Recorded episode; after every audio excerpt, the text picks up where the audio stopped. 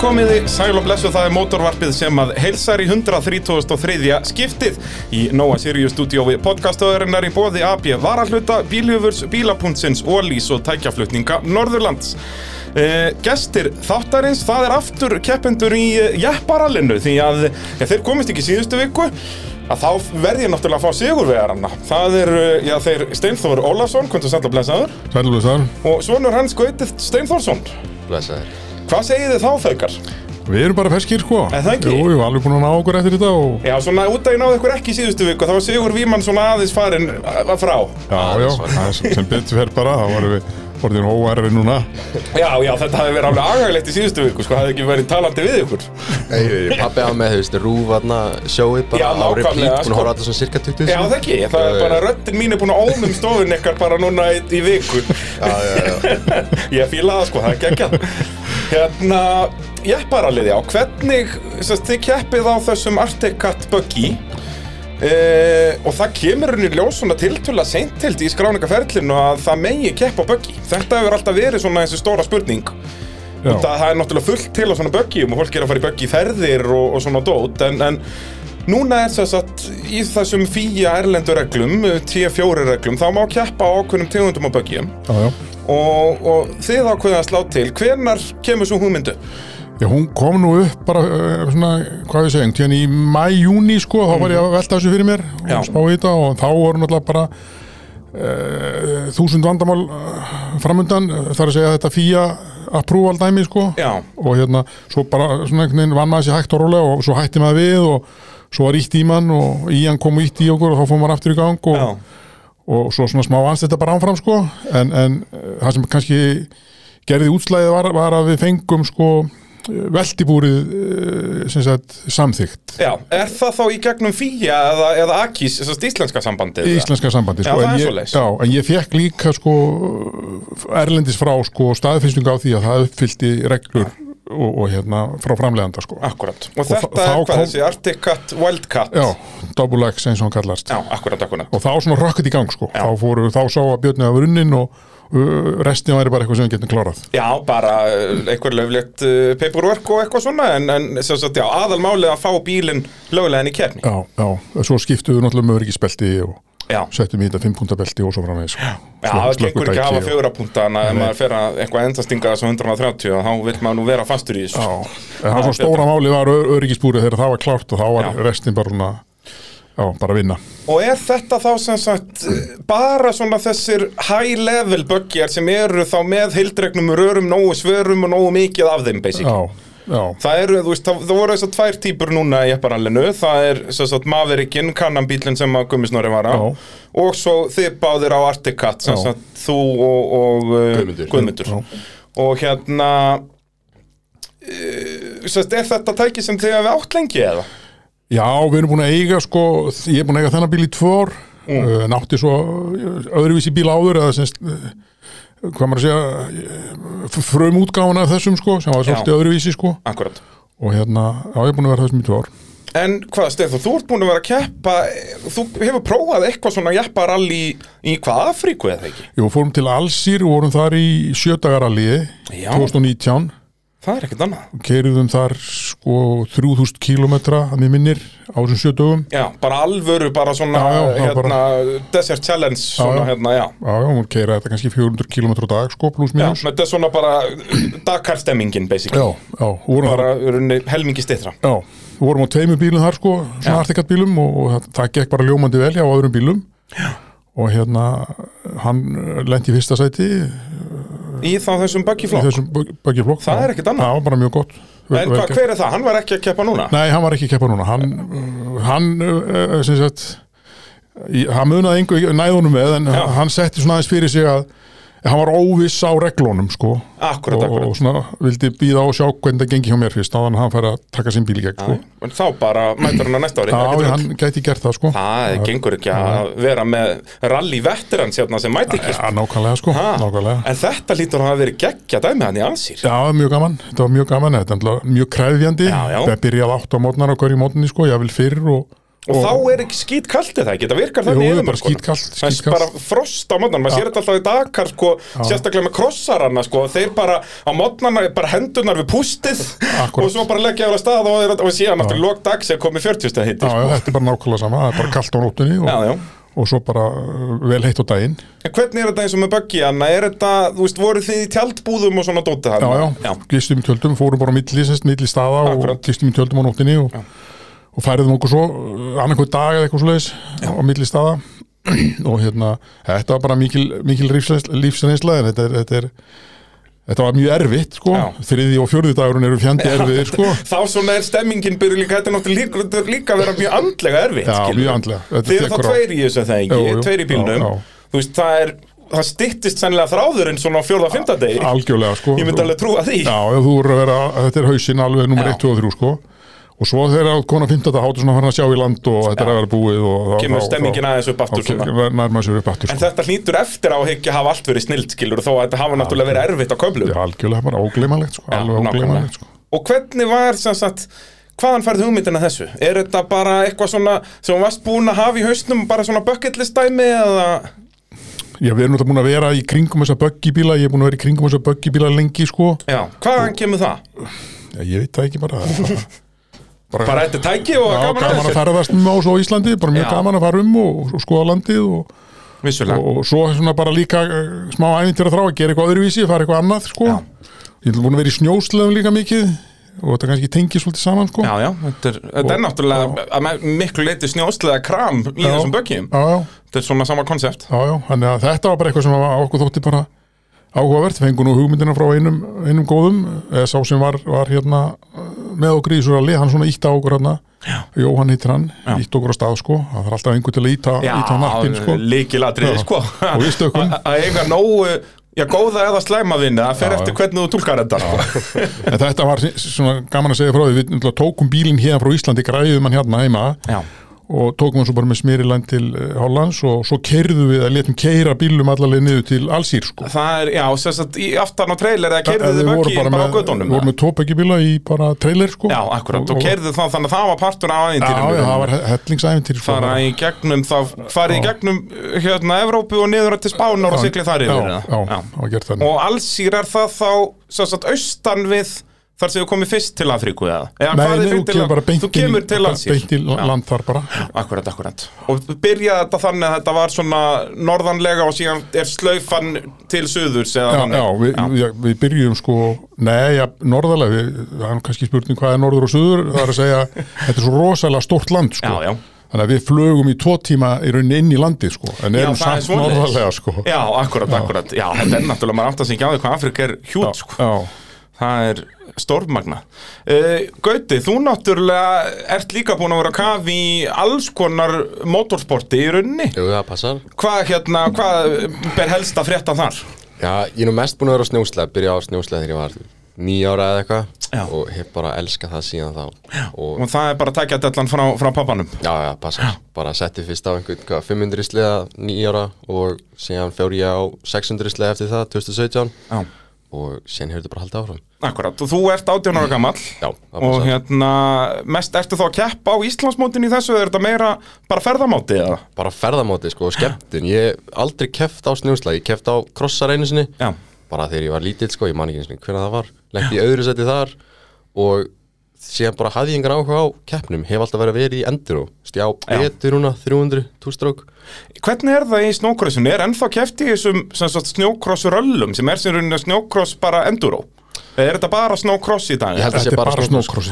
Það er nefnilega, mér þótti það alltaf svo appealing að keppa í svona eins og jepparallið núna nema á snjóslöðu upp á jökli, skilur Já, já. og það, ég man að þetta var hérna á Já, Íslandi ég var Já, einu sinni vitnað þessu sko. Ekkert lán síðan þetta var hérna sko. Nei, ég segi það Já, sko, er það bara, en núna er alltaf snjókrossi komið á fullt skrið, þannig að spurning Já, hvort að þetta fari að- að svo- byrja á þessu aftur Það þetta gæti komið sko, það vantar bara vantar snjóin oft hérna sko. Já, Á jöklar eru sko, vesen sko. Já, Það er góða punktur.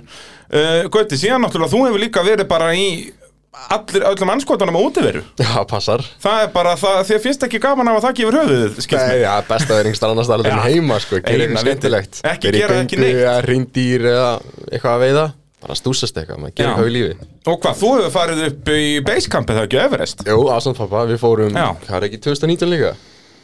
Jú, það er rétt Já, Það er 2019 þá hvað, fórum þegar við þú ert 15 ára? Já, eitthvað svo leys, já hvað, 15 ára og 28 daga eða eitthvað Já, og ert yngst Íslendingur til að komast þangað eða ekki, semst upp á Basecamp? Jú, það passar Yngst Íslendingurinn til að fara upp á Basecamp og Island Peak og síðan hérna Mount Elbrus í Rúslandi sem er hæsta fjall Európu Akkurat. Já, það gerum við líka saman Það er ekkert annað, þannig að það er ekki bara eitthvað með mótor, það er bara allt sem kallast út í þeirra. Já, Það er eina vitið. Já, já, það er bara, jú, jú, gaman, við höfum gaman að fara svona einhverja skemmtilega, gera eitthvað skemmtilega sem maður hefur ekki gert áður, sko, og, og er kannski ekki alveg, það þarf að leggja þess á sig til, til að klára það, sko, það er ekki bara, bara þetta að taka djúsin úr því, það þarf líka að undirbúið sig undir það og vinna í því. Já, er það þá ekki líka alltaf skemmtilegra, eins og segja, skemmtilegra eftir á? Að það getur verið náttúrulega bara helvita á jörðum ef þú ert að því, já, en það gerir minninguna betri, sko. Klárlega. Það er bara. Algjörlega. Það er bara svo erfiðasta sem ég er búin að gera það var að lappa upp á Mount Elbrus bara alveg mann eftir að pappi var alveg döður sko sem er með svona nammi í vasanum og hann tók það að mér og borðaði það alltaf staðnum bara til þess að hafa orku til þess að komast niður fjallið Þannig að sko. hann byrjaði að sko, það þú varst að berga honum en ekki öfut. Já, passar Það er algjör eða svona þegar papparnir stel, fara með börnin eitthvað að dandalast og það var það yfirleitt hinsegin sko, fara að hugsa um krakkana en þannig var það. Já, já.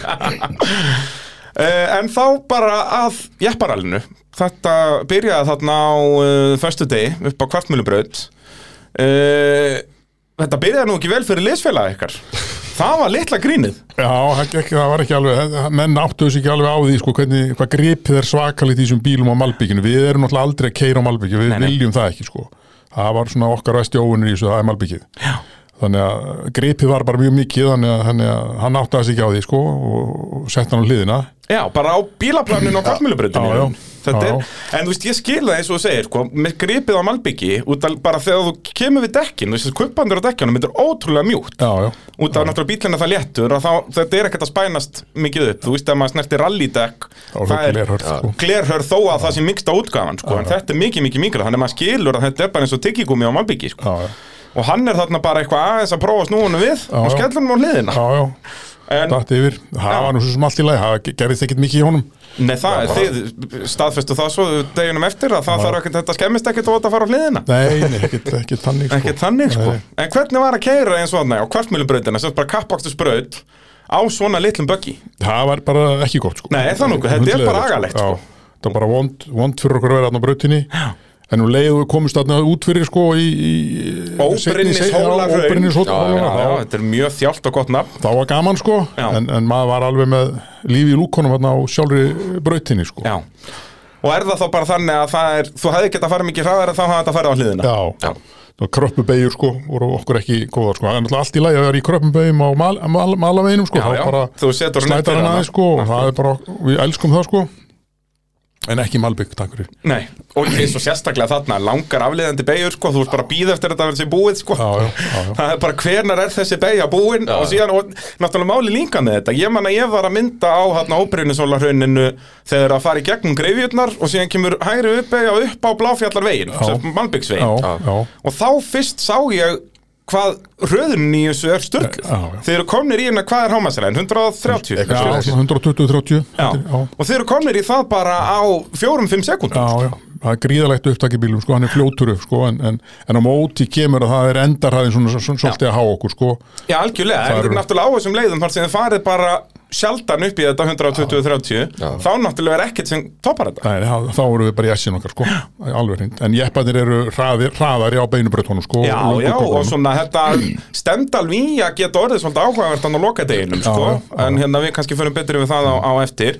Hérna eftir fyrsta dag hvað, þá eru þið bara í hvað, eitthvað, fymta set, eitthvað svo leis Já, við, vorum, við vorum, já, við, vorum, vorum- bara, fórum, vorum bara rosa varkárir í, í Malbygginu sko ég var, Já. já. Nei, sko, eftir fyrsta deginu þá vorum við í áttunda Já, já, já, og Gummi var í níunda held ég Já. já, Gummi var alveg síðastur, hann já, já. Hann- hann- kvartmjölubrautinni. hann- Viltist hann þar eða? Nei, máli var að það var einhver na, breytin var á undan okkur og hann fór þrejum mínútum eftir áætlin Já, og, þá og verið þá- þið þá fá við takkið sömu, akkurat sömu refsingu sko. Og ég leiðrétti þá hérna, fyrir okkur pappa og Bræði sem var í hinlegin, hann leiðrétti aldrei fyrir sitt lið sko. Ég og síðan endaði það þannig að ég leiðrétti fyrir þá þannig að fengum við réttan tíma sko. en ég minna við unnum okkur frá næst seinasta alveg bara upp í fyrsta, fyrsta bara á núleitni einni, sko. Já.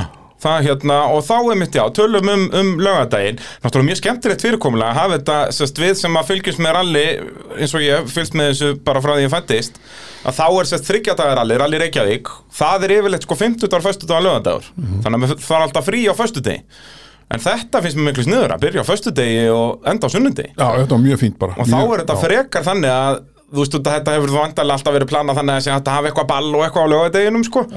En þú veist, eins og þarna, þetta var bara fín velunafending, bara grilla á henni liðið og bjór og, og vín í bóði fyrir þá sem vilja og þá líka þeir sem vilja vera ógeðslegir bara í, einhverju djammi þá geta þeir bara tekið frí á mánundi Já, já. en ekki allt starfsfólk og allur servis og allt að taka nei, sér nei. föstudaginn sko. En mér finnst þetta fyrirkomlega mjög gott mjög, henda okkur mjög vel sko. og líka bara búnir snemma á Já. bara maður er komin upp í hettapott bara klukkan þrjú, hálf fjögur Já, já, þetta var ekki klukkan áttum kvöldið sko. sko. Þetta var mjög fínt fyrirkomlega En síðan er þetta náttúrulega lögadagurinn, hann er bara langur og strangur þá ertu hvað sem er bara út í raskati og fer bara upp á hótel Já, já. Sko. Já, já. Já, bara stemming og bara þetta var mjög vel sett upp all sko, að mínum Mjög, mati já, ég er sammálið, þetta var mjög gaman, komur óvart, gríðan óvart sko. Og hérna, já, fyrsta leiðin, mjög löng og krefindi, það byrjaði í hérna bröttubrekkun uppi það ekki á, Jú. á fæstudeginu, á lögadeginu Já, já, við vorum svona, fórum aðeins rólega á stað sko, vorum varkar hérna upp og vildum svona Til að fá tilfinningu fyrir og bílnum tilfinningu Já, já. fyrir þessu svona fyrsta skipti sem maður var að gera þetta þarna og, og, en, en gekk bara fínt sko samt. Og svo beigði til hægri inn á þennan skjálbreiða veg Já, já. og, og hægri út af honum og í gegnum skógin þarna bara rétt fyrir ofan geysi. Hvað heitir þessi skóur eftir, já, eitthvað svo les, hérna, skógræktin þar bara. Já. uh, Sest skjálbreiðavegurinn sjálfur hafið þið kert hann áður? Já, Já, er, er hann ekki vinsall svona böggi bíla Jú, reyndar hef ég ekki kert hann á böggi, ég hef kert hann í eppa bara. Já. ég, En þá samt yfir sumatíman? já, já, já, Nú, já, ok. já, já, ég farið þetta en, en hann var gríðalega skemmtilegur að kera mjög, Já. mjög gaman að kera sko. Hvernig var hann sérst hraðalega? Voruð þið oft að fara í hámasraðan þar? Nei, við vorum ekki oft í hámarsanum það er náttúrulega svona beigjur í honum og blindhæðir sko, að en, en við ný, vorum að ný, ný, eh, náðum að nýta bílinn mjög vel í því sko, og ég held að við náðum alveg feikna góðum tíma uh, á þeim legg sko. Já, já mjög góðum Og hérna Takið síðan beiguna til hægri í gegnum hennan skó og svo hvað, bara með 100 metra í andamarka þá veltiði bílum Já, Það var hérna mér að kenna sko. Nú, ok. Já, já, það stóð náttúrulega í rótbókinni. Þá var bara kom beigja til hérna hæri 90 gráðu beigja til og ég var búin að segja hana og síðan stóð bara endamark 200 metrar. Ok. Þannig ég segi bara pappa fullu fyrir áfram, fullu fyrir áfram bara, veist, Bara endamarkið er að koma. endamarkið er að koma skilur, við erum að fara að ná að vinna þetta. Já. og síðan kom svona smá blindhæð og beigja til vinstri 90 gráðu beigja myndi ég segja. Og við náttúrulega bara sjáum hana þegar þú veist, það eru 20 metrar í hana eða eitthvað. Og þá bara bremsan og síðan náttúrulega gæti við ekki gert neitt og veltum bara. Farið þá út af í henni eða Já, hvað sem það sagt? út af í henni. Og hvað, er bara gras og eitthvað sem við- sem við að stoppum í rauninni bara á tré sko. við lendum bara upp í trjám sko. Það er, það er ekki oft, sem að sko rallyfólk á Íslandi segir þessa setningu Ég bombaði á tré Það það- Þetta er vinsalt í Bretlandi og svona sko Þetta var mjög, kom bara var mjög fínt sko, því við lendum í trjánum, þetta voru bara svona Einhverju svona runnar runnar sko, bara veikdri og þau gáðu bara vel ettir og, og bílinn bara einhvern veginn lá bara þarna í, í, í, í þeim sko. Fer þá bara sem sagt á hliðina Já, á hliðina sko. Ekki, Nei, ekki á kvolf sko. nei. Nei, já, fyrir á hliðina Já. Slætum á hliðinni lengi alveg í þrjár sekundur sko. Já, og þannig er sem sagt leiðin ekki búin þá Nei, Nei. þannig eigum við veist, eftir alveg 100 metra, 200 metra. 150 metra Já, eitthvað bara, þau getið séð endamarkið Já, bara já, já, þetta er alveg rosalega svekkjandi sko. Við En- töpum 5 mínútum þarna Já, þið tapir nefnilega ansi miklu þarna út af því að þið eru komnir upp í, þið eru búin að taka fram úr öllum sem ræstu fyrir framann ykkur Já, við vorum bara fyrsta sko. Mér minni það, ég er á gatnamótunum sem þið begið niður af skjálbreiði og Já. þar koma þið fyrstir, sko. Og hérna, hvernig var að taka fram úr til dæmis? Það er náttúrulega var heppilegt að það var ekkit rík hérna Það var mjög góð aðstæður og það var ekki drikk, það var alveg æðislegt að vera hann í þrjáta og aldrei í rikki sko. Já, það er bara himnest, sko. Og, og, en síðan voru náttúrulega bara menn mjög kurtisir í þessu og, og, og við vorum náttúrulega mun hraðar heldur en jeppaðin hérna á sér leið og þeir bara hleyft okkur fram úr strax og aldrei neitt vandamál sko. Og aldrei, þið voru aldrei eitthvað fastir í einhverja mínútur fyrir aftan annan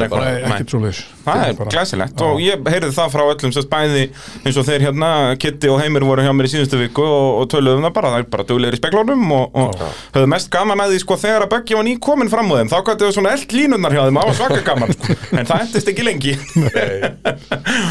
en, en þið farið á hliðina þarna og hvað náið þið ekki að réttan við eða hvað kemur nei, þið nei. Danni Ást að koma að hjálpa Já, ykkur eða Sko? Danni kom og hann var búinn að segja við alla brettan að koma líka og hann er rauninni bjarga okkur sko. já, já, veist, hann kom og við liftum hún síðan með honum og einhverjum tveimur öðrum og síðan bara segir hann keirið á að því voru náttúrulega búin að affelga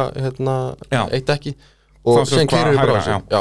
og hann sá náttúrulega markið sko og sagði Já. bara ánfram með ykkur þið náðu þessu bara Er hann bíl. búinn með leiðin og hleypa tilbaka? Hann- Ég búinn með leiðina og hleypa tilbaka, það, sko. Hann kom bara okkur eins og alveg. Hasselhoffin bara út úr skóginu Já, nákvæmlega, nákvæmlega Já, já, Hann hef, sko, hefði hann ekki komið að hann unnið þetta? Það er bara svo Já, hann skaut sig í fótinn hann þetta svona er náunganum sko, það sem ég fílaði mest við þetta var það að það var ekkit svona, þú veist, það var alveg keppniskap sko, það var ekkit svona öfga keppniskap eins og er í mörgum íþróttum. Þú veist, þarna var bara allir vinir og allir hjálpuð stað þegar að bila hjá okkur, þá kom bara einhver servismæður í öðru liði og hjálpaði okkur. Þetta var bara svona, mann leiði vel þarna sko. En eins og segi, en síðan þegar hjálmurinn komið ná þá þetta er að berjast. En, svo kemur common sense og þú veist eins og þau hérna Clay hjónin hjálpuðu Já, Gummasnóra þegar hann var bensinlaus og bara Já, já. dró hann í endamark af þau voru hvað sem er búin að tapa tíu mínútum eða hvað það var. Þannig að, og þetta er líka bara það sem ég elska í íslensku motorsporti að þetta er, það er vissulega keppni inn á sérleðunum eða í brautunum eða hvað það er en, en hérna, svo þegar þegar hjálmurinn kemur af að þá er allir löðrandi léttir sko. það var rosa gaman að, gaman að danna þegar hann kom hlaupandi sko. það var svo mikið kemniskap í honum það var miklu æstar heldur við Já, sko, að það var það var bara áfram, áfram En ég held líka sko í svona jepparalli náttúrulega er þetta líka rólegar heldur ný venjulegur út af því að þarna er verið að berjast um mínútur en ekki sekundur já, Já. já, já. Það að bara stoppa hjá okkur um og bara hjálpa hann með tjakku bíla eða hvað það er, tapar 30-40 sekundum skiptir einhver máli þegar þú endar á að vinna keppnina með 8 mínútum nei, nei, nei. að, þannig að, að það er það líka sem gerir þetta svona aðeins meira melló sko. Þetta er öð- öðruvísi í þessu steitselalli hérna á Íslandi þegar þetta er já. En það er kannski líka ástæð fyrir að Danni var að svona upphólkaðar heldur en þið. Það var, það var sko, við vorum bara búin að keira hann að legg mjög vel sko og vorum bara í góðum gýr og góðum fíling og Já, þeir náttúrulega hljótið að hafa liðið mjög vel vitandi að þeir voru búin að taka fram úr öllum. Þeir það næstu var eiginlega- hvað sjöttu, sjöundu eitthvað og voru búin að taka fram úr öllum sem ræstu fyrir framann það var einlega synda að þetta skildi ekki haf, hafast hann og Já, En samt, eftir þetta þá voru rosalega varkárir alltaf þegar það var svona 100-200 metrar í finnislæni sko, þá bara kerði við rosa Já, hægt bara gera ráð fyrir þessu Já, já, já. jarðsprengjur í bara þetta var bara svo leiðis uh, En þið komum bílum í hólum og basically eina tjónið var að bara sprungi dekk basically, Já, bara dekka Já, á bara eina Og þið eru með varadekk á Já, með já, ekki? já, já. Ég er bara eitt varadekk á hann það Já. já. Þannig að En náðu þið þá að setja nýtt varadekk á hann eftir þetta eða þurftu að keira næstulega varadekkjalösi? nei við bara Settum strax undir Já, það ekki, það er gullfossin, já, akkurat, þið keiri fram hjá servistum hann, akkurat. Og það var bara ekkert mála dekki var bara affelga og við bara pumpum í það sko. Það var ekkert Já, já, bara græðið sko. það já. var bara eitthvað brotið plast á bílum eftir þetta sko. Og Slökkutækin líka. það, Já, já, vissulega. En þetta er náttúrulega þægilega við að vera á, hvað er þessi böggi, 700-800 kíló? Já, eitthvað slus Að það náttúrulega, það er stærsta örgisatriði í honum Já, já. Og það er engin þing til að skemma neitt. Þetta var mjög þægileg velta. Maður hún tók langan tíma sko. Við sem alveg hvað var að gera. Það kom aldrei neitt högg eða neitt og þetta bara svona einhvern veginn var bara að leggjast í rúmi sko. í, í, í lautina bara. Hvernig þið farið, þetta er vinstri beigja Þannig að það er raunin gautallið sem fer Já. inn í trén. Já, Já, þess vegna finnst Eithóra þetta svo þægilegt. Og það varst þú sem varst í byrkinu þannig sko. Já, ég líka endaði uppi sko, síðan fóð pappi úr beltinu og hann stóð bara upp síðan tek ég belti mitt og ég pomsa bara niður. Já, býtu, ha, já, endar Já. þú, býtu farið þið á vinstri ég, ég, vil- ég vil halda því fram sko, við höfum velt alveg eina velti og ég Nei, hef lett á ég vil- hans hlið sko. ég, ég vil halda því fram Nei, ég held við höfum bara farið á við fórum bara á Hvort var þetta vinstri eða hægri beigja? Byrjum á því þetta var vinstri beygja Það var vinstri Já. beigja og þið farið á Já. Já. Þannig að það vant að lendið á hægri já, hliðinni hægri hlið bílsins Þannig að þú endar fyrir neðan, Gauti Nei, ég endaði fyrir ofan Þá fóruð þið meira Já, já, það er það sem ég er að segja. Þið Þá farið Það þrýr fjórðu að hring þá er þetta kannski verið hringur sem. Já, þetta er tæpur hringur Þið Ég, upplifði þetta þannig sko. Hann er rétt gautilendir, hann er ofan sko. hann, já, hann, já. hann, hann sem er ofan Þetta sko. er þá tæpur hringur sem þið farið í það Þetta var bara svo hugkuleg velta að þú tókst ekki sko. Það Það var líka eitt sko, bara- maður fann ekkert fyrir þessu Þetta Já, var alveg þetta bara, er eins og sé, bílinn léttur og í einhverju svona runnað rusli sko, þannig að þetta var bara eintóma bara uh, Næsta leið, þá kerið þess að ferjuleð með, fram hjá Gullfossi og þar og þá er skjálbreiðaviðurum kerður í heilsinni tilbaka. Tilbaka, já. uh, og það gekk bara vel. Gekk bara ljómandi vel, bara frábært. dekkin á, á veginum og, allt í góðu. og tíminn aftur mjög góður. Já, bara frábær og við vorum alltaf pössuðum okkur sko, vorum bara ætluðum ekki að lendi inn einhverju vesinni aftur sko, en, en það gekk bara gríðarlega vel sá kapli það sko. var ekkert sem með neitt bara mælirinn var alveg hárréttur og í rauninni bara restin af þessum lögadegi það var þetta bara geggjað Var allt í, allt í já. og þarna eru þið uh, sérst, eftir þess aðra leið á, á lögadegi eru þið samt hvað einhverjum, er þetta ekki 5-6 mínútum á eftir uh, gummasnóra eru þið eru í öðru jú, sæti þegar þarna komið svo? Já, Jú, sko, Og- Gummi og þeir voru í fyrsta sæti eftir þetta. Já, síðan var Nei, Gummi, var, hérna, Gummi og þeir voru fyrsta þannig að sérst, Guðmundur Snorri og Guðmundur Snorri og þeir voru fyrsta. Síðan var Guðmundur Braga. Og síðan var hérna Daniel og Ástað ekki? Sko, við skulum bara, við Síðan skulum voru renna við- yfir þetta. Eftir, eftir tröllháls sem var stuttaleiðin sérst eftir skjálbreiði Já. hvernig var staðan þá? Hvað er það, Tröllháls er SS6 hér, eða? það er SS6 Já, og þá er það uh, Guðmundur Snorri sem að leiðir Mhm. er með 6 mínútur í fórskot á Daniel og Ástu og svo komið þið uh, öðrum 2 mínútum eftir Daniel og Ástu þannig eins og segið, veltan kostaði ykkur náttúrulega einhverja 5, Fimm 6, mínútur, 7 já. mínútur já, já, já, já, og, og þannig eru þið bara að vinna það upp hægt og rólega Já, já. og svo kom svo magna moment eins og fyrir mig út að þetta er í þannig sé fyrsta skipti sem ég mynda svona langar sérleðir í rally. Mhm. ég, var, ég náði bara að mynda setni daginn í jepparallinni fyrra og þá voru þetta svolítið stuttarleðir en þannig er ég þess að á sérleðnúmer þá sjö næst síðasta leið. Þetta hún var eifirðinga mjög við hlöðufell gullfoss og mjög löng leið. Já og hún var 70, hvað var hún ekki, 77,8 Jú, held að lengsta leið kérnar Já, og, og hérna, þar er ég alveg við endan bara í vaðinu þarna við lok sérlegarinnar Já. Og ég býð og býð og býð það er, bara, það er búið að líða klukkutími frá því fyrsti bíl rasti. Og þá bara komið þið fyrstir. Já, og alveg langfyrstir. Já, já. og, og svo kemur Gummi og Bræi og svo koma Daniel og Ásta svo kom, kemur landróverinn hérna, defenderinn. Og svo bara kemur ekki neitt svo býð ég bara annan klukkutíma eftir Jómba og uh, svo ja, sennilega í aðra 20 mínútur eftir þeim Klei og, og og þá lendi Gummisnóri og Guðni í því að vera pensilausir. Já, já. Sem er náttúrulega eitthvað að mest pínlegasta sem að bara sögur fara af í svona kefni það er rosa sækjandi það er ferlegt, já, sérstaklega út að vinna með 6 mínútum sko. Já, og ert að fara að verja titilin frá því fyrra sko. Já. þetta, þetta var ferlegt en þá eru þið komin upp í fyrsta seti Já, já. En það er Nei, náttúrulega í þessu sko Gummi í fyrsta sæti Gummi var í fyrsta sæti eftir þetta Nei, Eh, Nei, við erum var fyrst þið, nei, nei. þið voruð í raunin alltaf á undan Gumma og Braga eh, í raunin nema hann hefði orðið fyrstur á fyrstu leið á sunnudegi Já. ef, ef hann hefði klárað hann já. en í rauninni var Gummi og Bragi aldrei í fyrsta seti Nei, nei En, en ég ætla að segja með bensíni sko, veist, það er alveg vona menn áttu sér ekki á sko, því að bílarnir í svona akstri að íða náttúrulega talsveit mikið meira heldur en svona öllu venju þegar maður er að keira sko. Já, í, í svona ferðum þá vissulega maður tekur á því á köplum Já, en en, þú ert ekki að keira 60 km í botni sko. nei, þannig að ég sá alveg stormun hjá, hjá okkur bara á, Já. á, á bensínnótkunni sko. meðan við í svona buggy ferðum Já, og við vorum alveg stressaðir hérna sko í lok hérna nýra á, á Já, hérna, sérleið sjö, Já. leiðinni niður á já, Gullfoss já, á og þá vorum við alveg hérna á áhyggjur sko Já, var voru helvítið neðarlega mælirinn Já. Já. Ég skiljalega, þetta er eins og hvað, þetta voru 77 km hvað þetta Já, var 77,89 frá, frá tröllhalsnum og, og niður sko.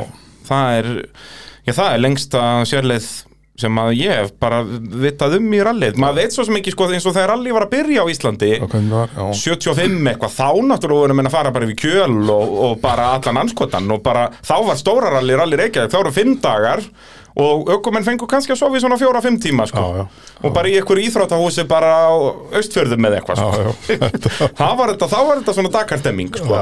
svo er róamenn sem í þessu ár eftir ár sko, sem er synd af já. en hvernig er að keira svona sérleið?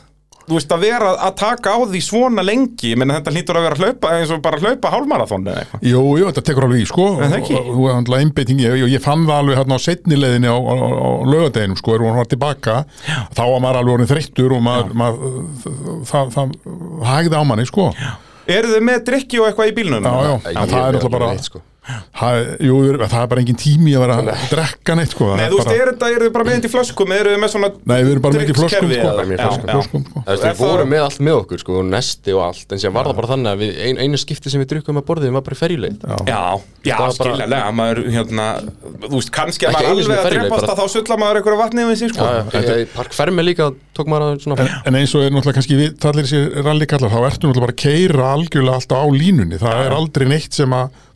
neitt sem mikið inni, þetta er bara algjörlega hárfín lína sem þú átt að keira, sko. Og þá náttúrulega líka kemur sko þóliðin í þetta þó að séu þetta vökkvastýri og allt þetta er náttúrulega kannski ekki á ykkur þarf þess ekki á svona buggy. En hérna það er bara þetta sko að það, mann er alltaf bregða. Eða sem sagt að, að hérna Singibræði frægur allari lísti þessu mjög vel hérna um árið sko að maður finnur þetta í umferðinni þú ert að keira og krakki hleypur fyrir veginn og þú ert að snögg bremsa það er ekki líkamlega erfitt en það sprettur fram sviti Akkurat.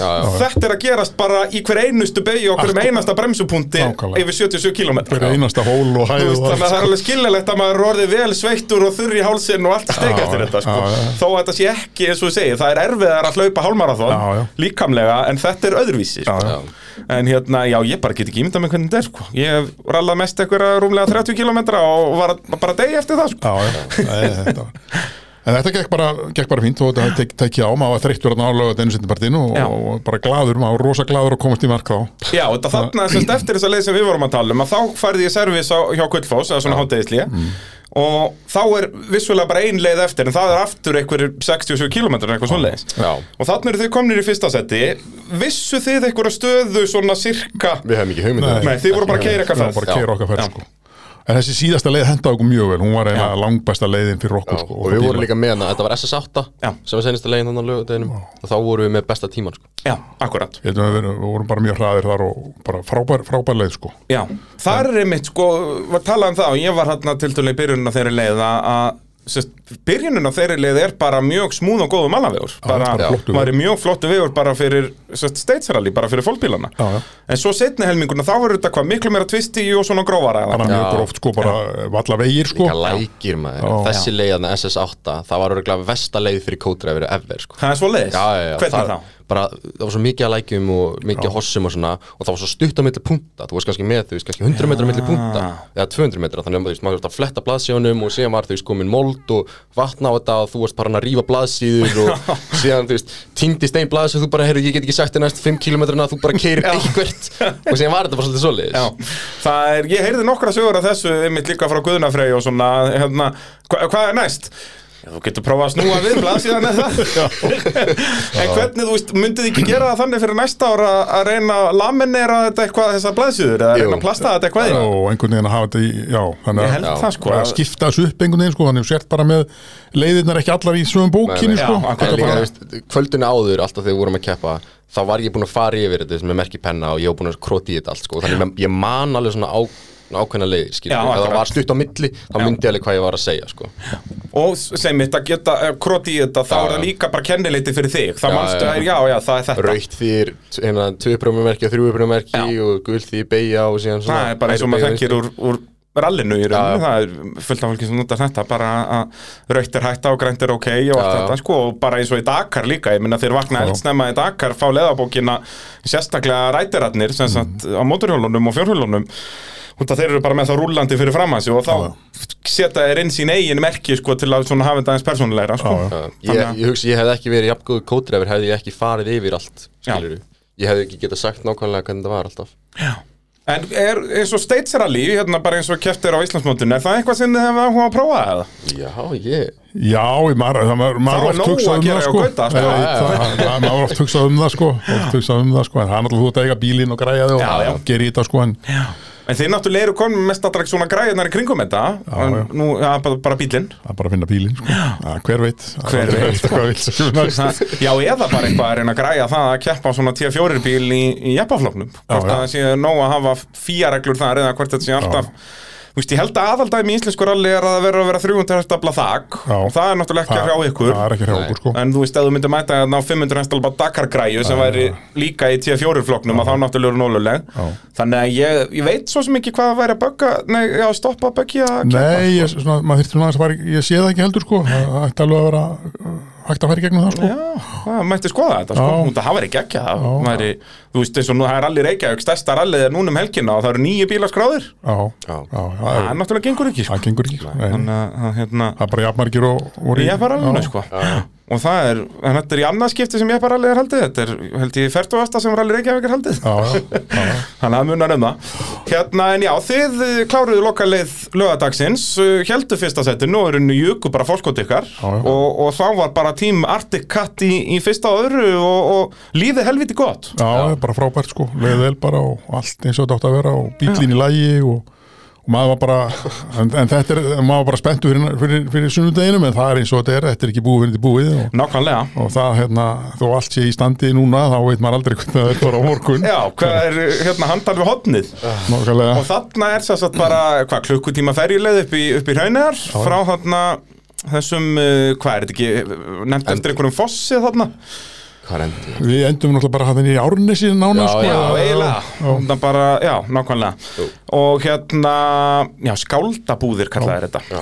hérna, og upp í raun er þið náttúrulega allar svona ferjulegðir þarna út að það er ekki þetta park ferme eh, eins og er í hátegisljónum og stundum er yfir nátt í, í rally Reykjavík og svona leis að þá bara skellið þið bílunum inn í, inn í trailer og keirið þeim þannig uppbyttir, Já. ekki vandamáli ekkert vandum og upp í raunar, þar var bara líf og fjör. Já, og við bara vorum, við gerðum ekki neitt við bílana þeir settum bara inn í árnesi og kerðum raunjar og, og fórum bara, fengum bara að borða var borða bara sko. og fara að Já. sofa og bara, það var náttúrulega ræs þarna, hvað, bara fimm um morgunin eitthvað svo leiðis, Já. hálf sex eitthvað svo leiðis Og hvað var ekki vaknað fyrir 30 akkurat. Þannig að og mjög svona skrítin dagur þannig séð sunnudagur. En þetta byrjaði á einni bara 67 km leið. Já.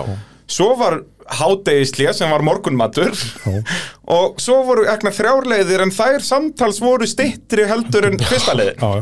Út að þá, þetta er svo sniðut hvernig Tryggvi gerði þetta með að, og Ían og, og þeir skipilegjendunir að það er svo erfitt að fá leiði fyrir dómadalsliðin og að já, þetta eru rúturnar faraðan upp í landmannalögar þá bara, heyrðu, getum við fengið leiði bara frá 6 til 8 Já, já. og svo, þú veist, eftir hádegi að þá eru vissulega föruvita líka en þá bara sem ferjuleiðir. Þannig að þetta er, var mjög svona snjált hvernig þið leistu það. Vel útvært já, já. og þessi leiðar og já, þessar leiðar eru náttúrulega allt allt öðru sér, þannig eru komin í sandin og vikurinn bara frá, frá síðasta heklugósi og svona aðeins hraðara. Þarna voru jeppanir í essinu sínu sko og, og við náttúrulega ekki jafn hraðir sko. Nei, alls ekki.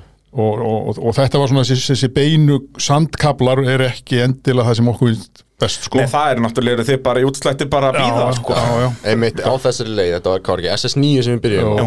Þar fór allt úrskið sem gat Já, farið úrskið Mælirinn minn bilaði strax Þannig ég var að keira blindi Mælir þinn þá sérst tripp hérna, trippmasterinn bilaði. Já. Þannig þá var ég bara, þú veist, í raunin að horfa á GPS-ið sko og Já. að giska bara hvernig vatnum að beigja Já, bara svona, bara, ég hef bara svona tilfinningu fyrir hvað voru búin að keira langt og sem sagði ég bara, heyrðu, ég heldur sem að beigja hér. Já. Eitthvað Það er náttúrulega alveg agalegt Já, sko. já, það var mjög, töpum mjög tíma líka á því sko. Já. bara svona óvissan. Og síðan fór reymin hjá okkur. Já, það er náttúrulega, ef við útskýrum það aðeins bara, sem sagt, tekni hlutan af því. Út að þetta er bara eins og vélslega það er ekki beint kirkasi eða kúpling. Nei, nei. að, þannig að þetta er reymdrifið sem sagt, mótor í, já, hvað kalla maður þetta, í bara þá drifið sjálft Já, já, eða? bara í drifið, já, og það er reymdrifið og, og það er vita að það er veikast til Já. og, og, það er reynd að fylgjast með því. Er í ykkar bíl svona hitamælir á reyminni Nei, það er ekki hitta meðlur reyminni okkur sko. En, en uh, það fer sem sagt svoleiðis að reymin slitnar. Já, og þetta er bara akkurat þannig að við erum, við erum bara á löngum kabla og búin að keira gríðalega vel hérna morgunin Já. Og bara frábærum tíma held ég og hérna, svo komum við bara inn á beinakabla langan eh, sandkabla og, og við bara erum heldur heldur ákveðnir á bensinkjöfni og, Já. og þarna bara hittna reyminn og, og bara fer, fer bara. Er það þá aðalega löngu beinukablarnir sem er að hitta þetta of mikið? Verður maður að já. vera, þú veist, ef hann fer upp í útslátt að þá bara slafa hans af og upp Já, já, aftur og bara vera þóljamóður eins og svo vorum að tala um á hann þetta með 130 max Já. þú kemst hraðar sko en þá slitna bara reymin Já, akkurat, þá er bara orðið of mikið vinnám og drasl og hittin og bara þetta fer Já, er Hvernig fara þessar reymar? Er þetta, þetta tannhjólareym? já, sagt- rústast tannhjólinn eða slitnar hún Nei, bara slitna reyminn Hún hún, bara, slitnar bara hún er bara farin, hún sér það er bara tæjurinn í húsinu sko. Já, svoleiðis, þetta verður bara eins og bara, þú ert búin að spóla dekki í rauninni, Já, bara já, verður bara allt svart og ógíslegt já. Já. Já. En þið eru vissu að þetta er veiki punkturinn þannig að Já. þið eru með reym með ykkur og öll verkfæri bara til að quiz bam búm Já, Og hvað tekur þetta tíma að Ég, við vorum eldsnöggir að þessu, ég, ekki- fimm minútur Já, fimm, fjórar eitthvað Já, svoleiðis. akkurat.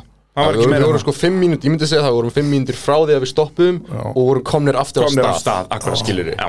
Þannig að viðgerinn sjálfur svona þrjár og hálf. Ég meina núna eftir að við sáum þetta skilur þannig að næsta ári þá vitum við það að við þurfum að vera með veist, líkilinn á réttum stað og reymin heldur nær og bara alltaf bara, Já, og bara vera búin að sko. æfa þetta þrjus já, nákvæmlega. Þeir gerir þetta þannig í rallinu Það er æft sér að skipta um dekk til dæmis. Bara í heimsvestarmótinu ralli Þannig að þeir eru svona eina og 50 frá þeir stoppa að fara að staða aftur já. En svo má kannski segja líka sko, þarna áttu við ekki að fara beint í mat þarna á lögadeginum heldur áttu við að skipta um reym sko. Já. Sko. um, um kvöldið, bara precautionary bara precautionary, það hefði bara hjálpað okkur klálega Já, sko. þú veist, búin að keira þarna, hvað er þetta, 200-300 kilometrar Já, sko, ég, ég var sjálfst, ég var náttúrulega bara kannski, kannski full ánægða með þetta en, en sko að koma sterkir. reymandan hafa bara við, staðið sér vel í þessum bílum sko Já. og, og, og ég hef sjálfst svona keira 23 km á þessu reym sko. Já. og hefði náttúrulega átt að skipta um það bara strax í upphæði og svo hefði ég átt að skipta aftur um upp á gullhós sko eða þarna á hraunum. Það hefði svona álur rally maður gert sko. Og það er reymin sjálf náttúrulega, þetta er engin kostnaður að skipta um þetta. Þetta er bara 2000 kallið eitthvað. Já, já, já. Að, hérna, en, en sem sagt Þið skiptu um reymina á þessari fyrstu leið eh, eftir áherslitnar já. uh, Haldið áfram.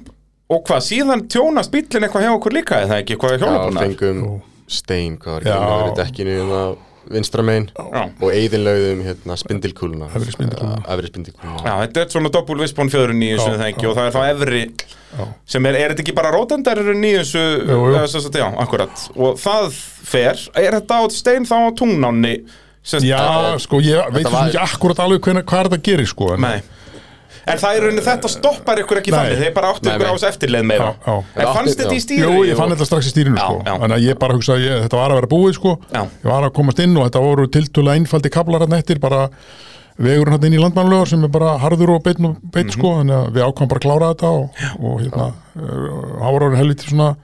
hann var hann var hann uh, skakkur svona hérna, úr, úr, úr endamarkinu og inn í, inn í raunni eða ég var ekki alveg veist hvort þið hefði það en, en það, það gekk sko. Það gerði samt alveg leðilega snemma sko í SSD Já. það var alveg við áttum eftir alveg öruglega, þú veist, 30 km eftir hún fór sko. Já, já, nákvæmlega, nákvæmlega. Og þá náttúrulega sko verður staðar hans í áhugaverð þannig eftir þessa, keppn, eftir þessa leið. Því að sko tími ykkar á þessari lönguleið eru 50.08 á meðan að. Daniel og Asta fara 40-44 þau Já. taka næstu í 10 mínútur að ykkur. Já, og þá er foskotið komið úr 12 nýr í 2 já, já, og náttúrulega hraðarleðar framundan mikið af þessu eru rallyvegil sem að Daniel og Asta hafa keirt margóft þannig að það var ekki hvernig var stemmingin þarna í morgumannum?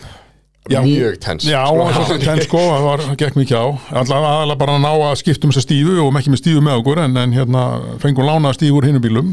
Já, það náttúrulega er bara svona hvernig örlögin byggu það til því að það náttúrulega Gummi og, og Bræi að það fer hérna Já, þeim. það fyrir headbagning hann á á þessari fyrstu leið. Já. og það þarna hefðu þeir náttúrulega tekið fórustun af ykkur hefðu kert þetta Já.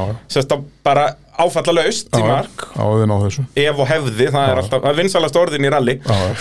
og, það var náttúrulega svona stressið að fá þá ná þeim sko, ná stífunni hjá þeim. Já, og þeir voru náttúrulega talsett í burtu frá okkur en svo kom Björgun setja bílinn með hann inn og, og þetta, þetta hafðist, við rétt náðum að klára þetta skiptu um áður en að við fórum hann inn í parkfermi. Já, við, við, við skiptum þetta um náðum að græða á tvær mínútur í parkfermi þá vorum við búinir að skella þess undir Já. vorum bara á mínútin inn í parkfermi það er bara, það hefði ekki mátt vera sekundin með Nei. Nei, nei, nei, nei. En hvernig er þetta? Voruð þið þá í rauninni ekki með neina svona varahluta að pakka með ykkur? Nei, við vorum ekki svo sem endilega, þú veist, við vorum bara, hvernig orðaði þetta, við vorum ekki að fara að keppa. áhugamenn, já, við vorum bara að fara að skoða þetta Já, og, rúla með og sjá hvernig það væri, sko. Hugarfarið í byrjun var bara, við erum ekkert að vera að vinna þetta, við erum bara hérna til þess að vera með sem var alltaf bara, ef eitthvað bilar þá bara förum við, það var bara hættum við.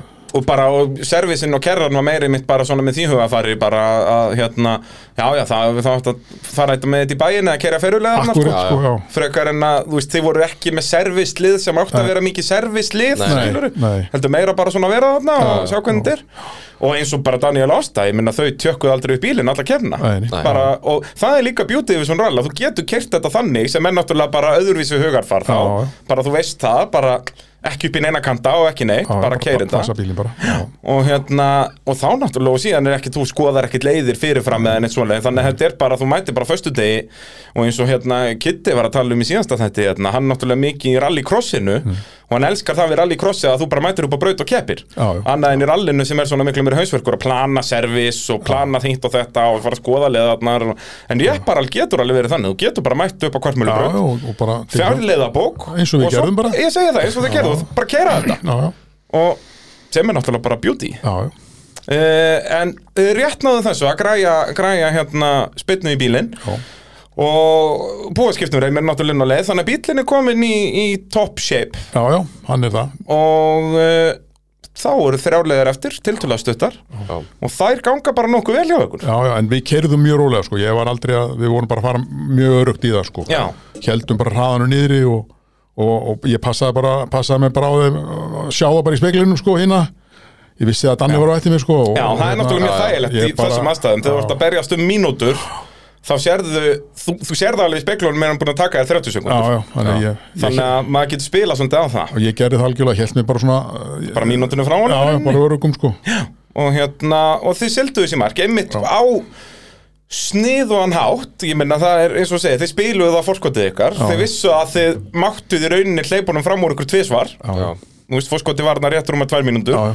Þannig að bara halda honum fyrir aftan sig ekki gera neinn mistök. Og þú veist, þið náðu meira þess að byggja upp fórskotið, endið með þrjára og hálfa í fórskot þannig að leðarnar svo sem hendu jeppanum ekki það vel en það máttu ekki gleyma því að Danni var á orginal-jeppa, Já, hann var á já, í rauninni vesta sér á kíunum það er bæði bílinn hjá, hjá Kitta og, og, og svo guli bílinn hjá Jómba eru náttúrulega mun betur útbúnir bílar. Það blöður bílar sko. En líka SS12 hjálpa okkur rosalega mikið. Eiginlega öll SS12 leiðin var Já.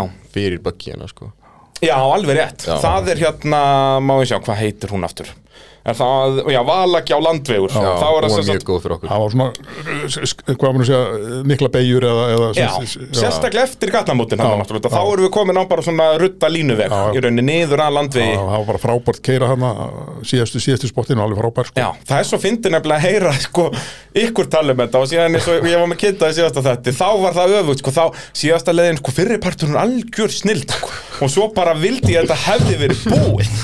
Svo er þetta öfugt og ykkur, sko, loka parturinn það við líka veistla Já, já, þetta var, hún henda okkur gríðarlega vel, bara mjög Já, gaman já. að keira hana og, og líka, krefjandi, þú veist, þetta hlýtur að vera líka góð tilfinning að vera á vegi sem að þú veist að hendar þér og þínum Já, bíl mjög vel já.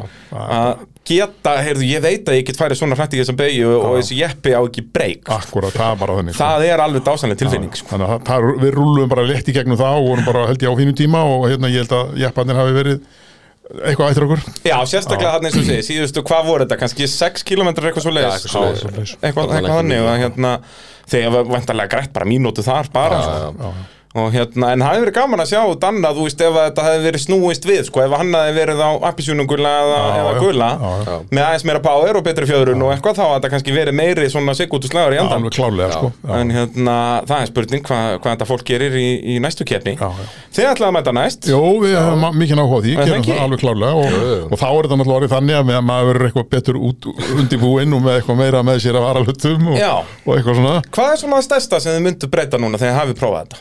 Já. eitthvað? Já, já, sko, við myndum náttúrulega, svo sem eitt og annað, við myndum vera með náttúrulega bara þessi helstu varalegt vísmyndil, Já, já, stífur og svo framvegis og, og, reymum. og reymum Já. og við myndum skiptum reym áður en við byrjum í keppninni og svo myndum að skiptum reym einhver stárum miðri leið, alveg Já. klárlega það er svona nummer 1, 2 og 3 sem maður myndi gera og svo myndum maður bara spila hitt eftir í hvernig það færi menn í þessum, þetta eru, eru spindlarnir eða armarnir sko sem er að gefa, fara hugsanlega sko en Og líka svona ef þú lendir í tjóni að þá er það yfirleitt, þú veist, að þú myndir velta bílnum illa já, að þá er í rauninu rörin og það ætti alltaf að sleppa en hann gæti byggt einhver dekk af sér, sko já, já, Já, já. Þannig að það er svona bara eiga allt í hjólabúnað og axla og þetta dót og vera með þetta, fleiri dekk heldur en við vorum með sko Já. Já. Myndu þið fara á öðruvísi dekk? Hvernig voru dekkin að henda? Mér fannst þau koma rosalega vel út hjá mér dekkin, ég var mjög ánægð með, ég var svolítið rættu við þau sko, sérstaklega Malbygginu það var alltaf mjúk og þau voru alltaf mjúk á Já, já, Malbygginu en sko. þetta er náttúrulega Já. Það var eitt prósta keppn á Malbyggi Já, eða en- minna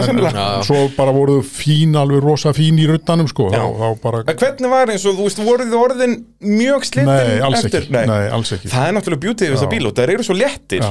það má gúmi bara vera djöfulli mjúkt ég, ég get alveg farið aðra ferð sko Já, nákvæmlega, og það mál, segi ekki högg á vatni, Já, sko. nei, nei, nei, það ekki vandamál sko Þannig að, og svo bara gautið, þú myndir plasta leðabókina og Já, máli já, já. stendu þetta Jú, ég myndi undirbúið þetta aðeins betur sko. Eða reyna að gera allan eitthvað til að koma í veg fyrir það að hún væri svona blöyt sko. Já, og ég reyna þá bara strax á þá föstudagskvöldi bara að komast inn í einhverja prentstofu, eitthvað djöfulinn Já.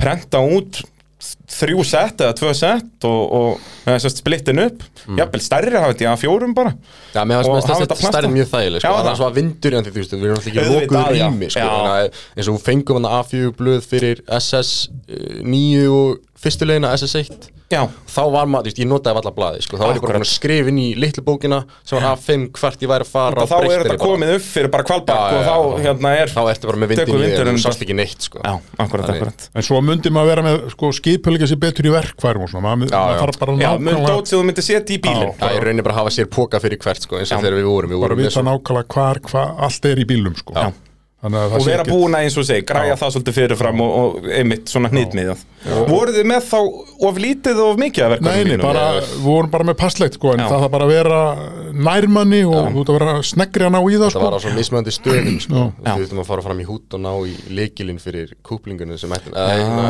reymina sem ætti náttúrulega bara að vera í vasan hjá manni Já, já, það er, ég man hérna, ég fór í skúrin upp á hert hérna til Gummasnóra og Guðna á föstaskvöldin og þá voru þeir einmitt að æfa sig í þessu eftir að fengið einhver tips um það að það gæti þurft að skipta um þetta leið. Og þá var bara skrúvélinn með reymin í einhver hólfa millið þeirra bara. og svo bara, og bara eins og í Formule 1 sko. Já, já, þannig þarf þetta að vera sko. það er bara þannig. Svo myndi maður nýta sko hérna ferjuleiðina betur, það er að segja að maður myndi alltaf tekka á meira á bílum sko. Já, að nota já, og- nota servisin sko. Já, já, og þó að það væri ekki servisaðar þá bara stoppa og bara aðtú ef slag í dekkjum og, þetta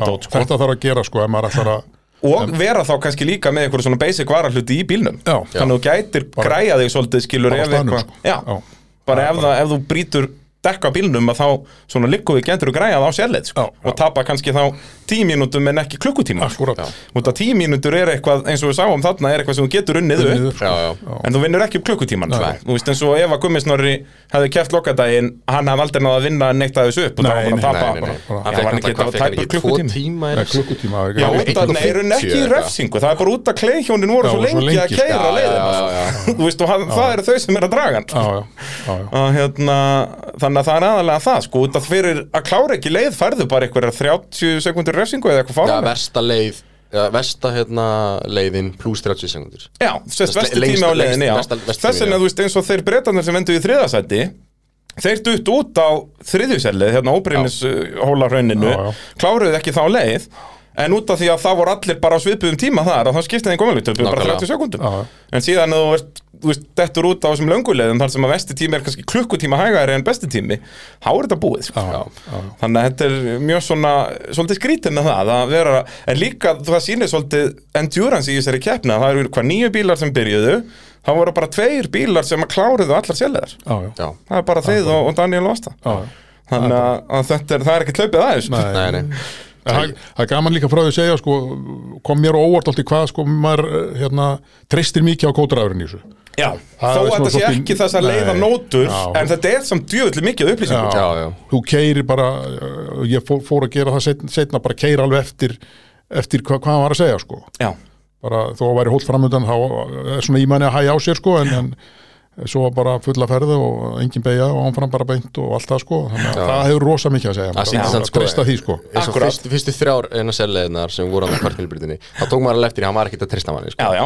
Þú veist, Skiljanlega, þetta er skiljanlega, mjög er skrítið. fyrst skipti sem væri kódræfir Já, og já, og líka bara þetta að þó að þú væri markvældur heimsmeistari sem afturökumadur og bara hefur aldrei gert mistök á æfiðinni, þá hefði hann samt ekki treystir, bara Já, út að það er skrítið í hausnum á sér, Já, já. bara láta eitthvað segja þér, heyrðu, þú sérð ekki veginn en farð á 130 átt niður veist, það bara heilin vill það ekki sko. Nei, nei, það meira tók maður eftir því að farin að treysta manni sko. eins og þannig í SS4 þegar ég sagði bara beint áfram og þá bara gera hann það þá náttúrulega líka kemur konfendens út að þú ert búin að hafa rétt við þér síðustu hundraskiptin Já, já, já. þá er ekkert svo miklu líkur að það sé rámt í hundraðast og fyrsta. Nei, nei, þetta- Nei, nei, Uh, en ég finn það alveg á ykkur að þið myndu hafa mjög gaman að því að mæta í rally sem sagt á Íslandsmótinu sko.